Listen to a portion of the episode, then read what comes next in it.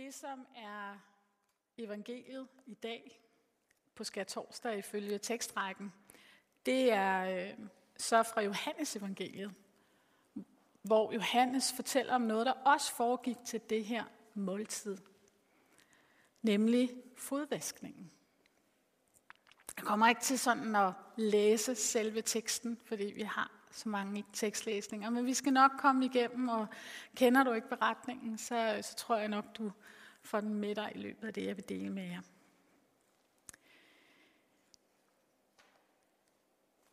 Afsnittet, hvor man kan læse om fodvaskningen, det, øh, det begynder med at fortælle, at Jesus ved, at hans time er kommet. Det er en anden måde at sige på, at han ved, at, at nu er det ved at være slut med hans liv på jorden. Og øh, der står, at han ved, at han skal gå bort fra denne her verden til faderen. Og så står der sådan her, og at han havde elsket sine egne, som var i verden, og han elskede dem ind til det sidste. Det er sådan en forunderlig sætning, som, som lægger øh, fundamentet for, for denne her beretning om, hvordan Jesus han vasker disciplenes fødder. Det er en understregelse af, at han elskede dem. Og han gjorde det også i handling. Jesus, han elsker dem. Han elsker dem. Også ham, som forråder ham senere. Som har fået penge og nu går og venter på enhver lejlighed. Han elsker dem. Også ham, der ligesom vi har lyttet til for et øjeblik siden, siger, jeg skal nok gå hele vejen med dig. Øh, men som Jesus må fortælle, at du kommer til at fornægte mig. Jesus han elsker dem, som øh, han inviterer med til at øh, nogle, nogle få af dem, som han inviterer med ind i en ret fortvivlende stund, hvor han virkelig bliver ramt af det, han står overfor, og ved, han står overfor. Og er fortvivlet og græder og beder for sit liv. Og de falder bare i søvn. Og han elsker dem, selvom de faktisk alle sammen kommer til, inden dagen er omme, og svigte ham. Og han elsker dem, selvom de tit kommer op og skændes og drøfter, hvem af dem, der må være den største og den vigtigste. Og han igen og igen må prøve at forklare dem, hvordan det hænger sammen.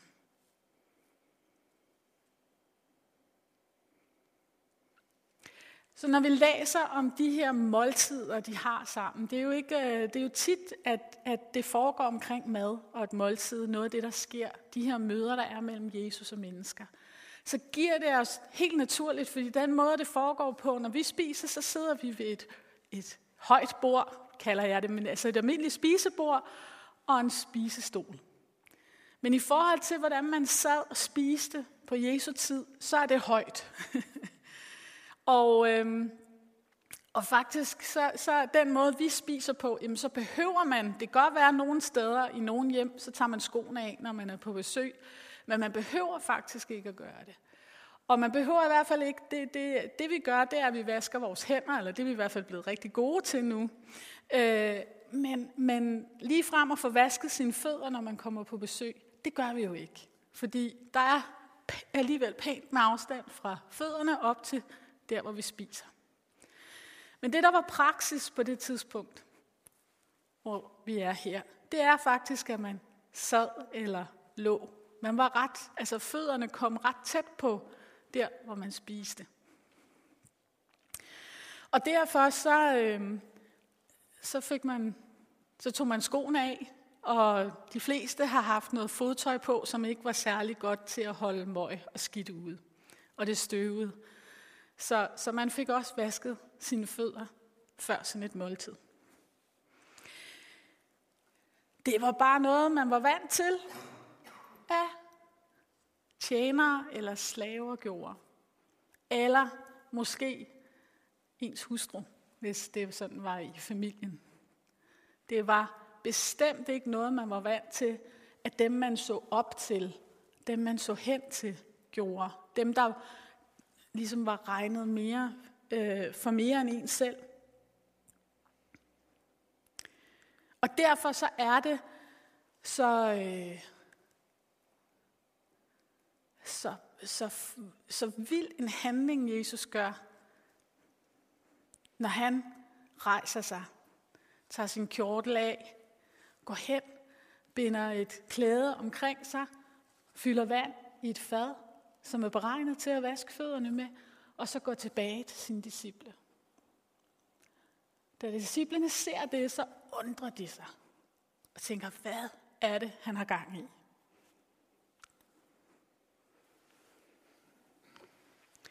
Prøv at forestille dig, at du sidder her. Nu, nu har jeg lige sagt, at hvis vi sådan virkelig skulle leve os ind i det, så skulle vi jo ned og sidde på, på gulvet og have sko og strømper af og sådan noget. Det gør vi så ikke. Men der, hvor du sidder, prøv at forestille dig, at du sidder i sådan en sammenhæng. Sammen med nogle mennesker, du kender, du har fulgtes med i den seneste lange tid. Og sammen med ham, som du ser hen til, du ser op til, og som du prøver at lære af. Og så ser du, hvordan han øh, knæler ved siden af den, der sidder ved siden af dig. Og du ser, hvordan han tager personens ene fod og vasker den, tørrer den og øh, stiller den tilbage på gulvet. Og så tager den anden fod og vasker den og tørrer den og stiller den blidt tilbage.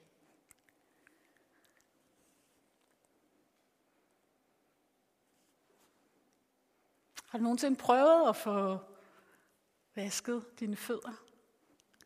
Det har du nok forhåbentlig af dig selv, men af en anden. Ja. Nogle af jer har måske prøvet det netop i en sammenhæng af kirke, fordi der er faktisk nogle sammenhæng, hvor man, øh, man gør det netop for at gøre det mere levende. Men det kunne også være, at I havde prøvet det i en anden sammenhæng, som ikke har med kirke at gøre. Det er noget særligt, at der sådan er en, der har fat i ens fødder og vasker dem. Jeg har selv prøvet det på en, på en spejderlejr, hvor vi havde lavet sådan et markedsdag, og så var der nogle af os, der lavede noget, der virkelig var et hit. Det var at tilbyde fodvask. Der var sådan en kø. Øh, og jeg kan huske, det var særligt. Altså udover det også specielt med spejder, der nok havde lidt sur til og sådan noget. Men, men, øh, men det var noget særligt at sidde der og skulle tage hånd om folks fødder. Øhm, ja. Hvordan, øh, hvordan er det at forestille sig det? Og hvis du nu forestiller dig, at du var en af de her disciple, hvordan vil du så tænke, når Jesus gjorde det?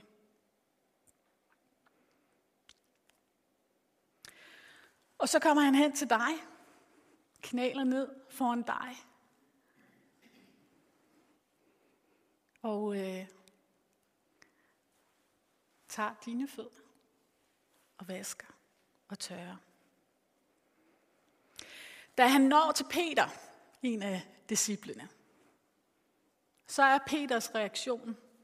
Der er jo altså åbenbart nogen, der i hvert fald har tilladt Jesus at vaske hans fødder. Vaske deres fødder. Men Peter, han kan simpelthen ikke altså holde mund. Det kan han som regel ikke, når vi støder på ham i evangelierne. Så Peter, han, øh, han siger, ej, det skal du ikke, herremester, du skal ikke vaske mine fødder. Og så må Jesus sige til ham, jamen, det er jeg nødt til, hvis du skal have del i mit liv. Og så sker der det, som der også ofte sker med Peter. Han bliver, han bliver grebet, og han bliver begejstret. Og så bliver det, ah, jamen, hvis det så er sådan, så ikke bare mine fødder, så også mine hænder og mit hoved. Og så må Jesus sige til ham, det er, det er nok bare at få vasket dine fødder. I er rene. Han prøver, Jesus prøver ligesom at få ham til sådan at, at begribe, at der er noget under øh, handlingen, under det her metafor, det billedsprog, der bliver i det. Der er noget dybere, som Jesus prøver at få dem til at forstå.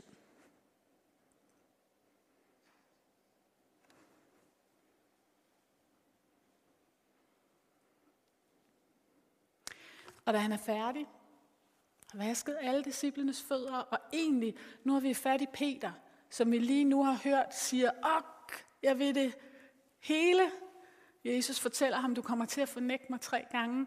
Og hvis I kender påskens beretning, så ved I også, det, det er det, der sker. Og han er ikke den eneste, I kan høre, der står os. De andre disciple lover os alt muligt.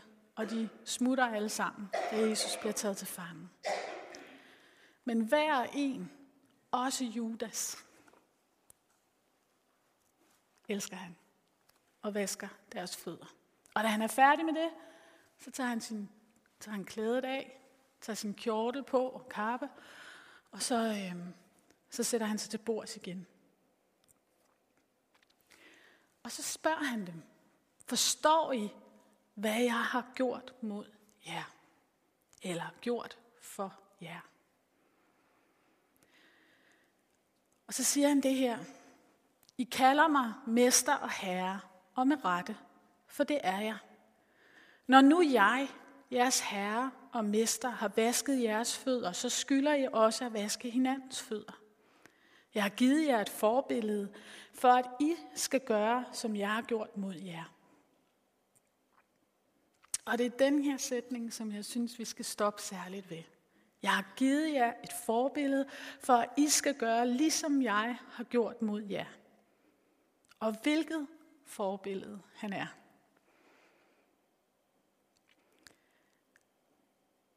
Når vi ser, og jeg siger med vilje ser, for jeg ved godt, at vi skal læse for at, at komme sådan en... Ej, det findes jo også på, på, øh, på streaming. Der findes filmudgaver, men som regel så er vi nødt til at læse. Men det er fordi, jeg har et ønske om, at, at I netop lever jer ind i det, I læser. Så når vi ser Jesus i de her beretninger, der er om påskedagene, når vi læser om de sidste dage i Jesu liv, så er det et ganske særligt forbillede, han viser. Og det er ikke et forbillede som det, vi plejer at tænke som forbilleder, som regel. Det er en herremester, der tager tjenerskikkelse på, som knæler og vasker sine følgers snavsede fødder. Tænk på nogle af de andre forbilleder, du måske har. Det kan være øh, det kan være nogle øh, forretningsfolk, eller det kan være nogle af dem, man hører af politikere, eller det kan være noget andet. Og så forestil dig, at de ville gøre sådan i forhold til dem, de havde sådan som deres nærmeste, der skulle hjælpe dem og følge dem. Det er mesteren, som i sin sidste tid, han ved, det er ved at være slut, og han bruger sin tid sammen med dem, han kunne jo, der kunne være alt muligt andet, han kunne tænke, ah, det skal jeg lige nå, det skal jeg lige have med mig. Men han bruger tiden sammen med dem, og bruger den på virkelig at prøve at forklare dem løftet om helligånden, kærlighedsbuddet og alt muligt andet, som er så vigtigt. Han vil gerne have dem til at forstå det og begribe det. Det er en herre, mester, som også giver sig tid til ærligt og sandt at selv ord på sin fortvivlelse over det, han skal gå igennem. Han, han går ikke bare hele vejen igennem og er sådan en hård fyr, der, øh, jeg skal nok klare det hele. Men han giver sig tid til at være i sin fortvivlelse.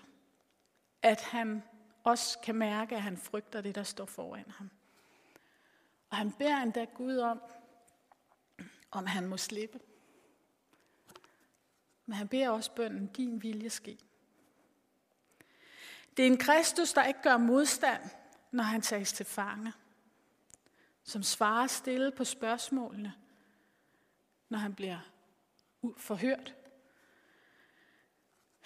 Det er en Kristus, der øh, bliver hånet, og som bliver givet øh, sådan en... Øh, de, de tager alt det af ham, som han har, af hans tøj, og så i stedet for, så giver de ham sådan en tornekrone på. Sådan en hån af en kongekrone. Og de giver ham også øh, en kappe på. Så håner de ham. De piner ham.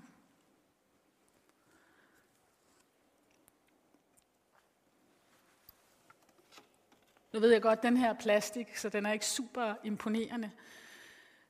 Men det er en stor kontrast til det, vi forbinder med det, man pryder en konge med. Det er det her, der plejer at være vores forbillede. Men det er det her, der står. Og hvis I læser videre i Johannes evangeliet, i kapitel 18 og 19, så øh, da Jesus bliver ført for øh, den romerske, øh, sådan, ham der ligesom har området der, nu har jeg lige glemt, hvad, hvad den titel er, men ham Pontius Pilatus der, som er besættelsesmagtens leder for området. Da han er ført for ham, og han godt kan fornemme, altså jeg kan ikke finde en grund til at anklage ham, så, så vasker han lidt hænder, og så tænker han, jeg, jeg sørger for, at folket får lov til at beslutte noget her. Og da, da Jesus ligesom bliver ført frem foran folket, så er det, og jeg ved ikke, om den er kommet med, men nu kan I, det er en meget naiv streg af mig, det her. Men jeg ved ikke, om I kan se, så er det, så er det, en, så er det en lidende mand, der står der. Det er ikke en konge med magt og svær. Og folket, folkemængden, får lov til for at vide, at jamen, øh, I kan få lov at befri en i anledning af højtiden. Men de vælger Barbas. Og det kan godt være, at Barbas også har set lidt øh, hervet havet ud, fordi han har jo også været fængslet. Men det var en mand, der var kendt for at slå ihjel og røve. Det kan godt være, at han har gjort det, fordi han, øh, det er man lidt uenig om, men fordi han måske var der som en, der havde prøvet at befri landet for besættelsesmagten. Men han havde gjort det med svær, og han havde gjort det med magt. Det gjorde Jesus ikke.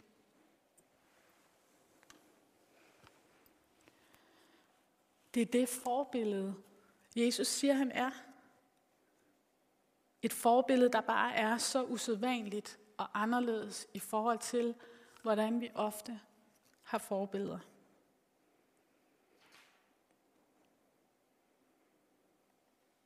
Og det understreger, hvad for en fuldstændig usædvanlig forandring, der er på vej.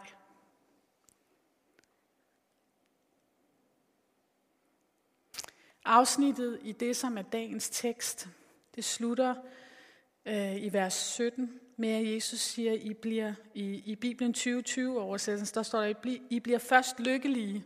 Jeg kan bedst lide salige. I bliver først salige, hvis I forstår det og lever efter det. Forstår du det forbillede, Jesus er? Og det er okay at sige nej. og tage en snak med Gud om det så. Men det er mit refleksionsspørgsmål til dig. Forstår du det forbillede, Jesus er? Hvad er han for et forbillede for dig? Og hvordan lever du så efter det? Herre Jesus, det er, øh, det er indimellem næsten ikke til at forstå, at, øh, at du kunne stå i det, du gjorde.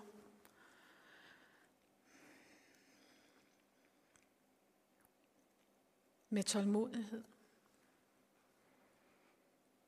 Med mod. Med frimodighed. Og med kærlighed. Hjælp os til at forstå dig bedre, lære dig bedre at kende, og få en tættere relation til dig. Hjælp os til at se billedet af dig, og hvem du virkelig er. Må det forvandle os, og må det være med til at præge, hvordan vi lever, og hvordan vi er over for hinanden. Amen.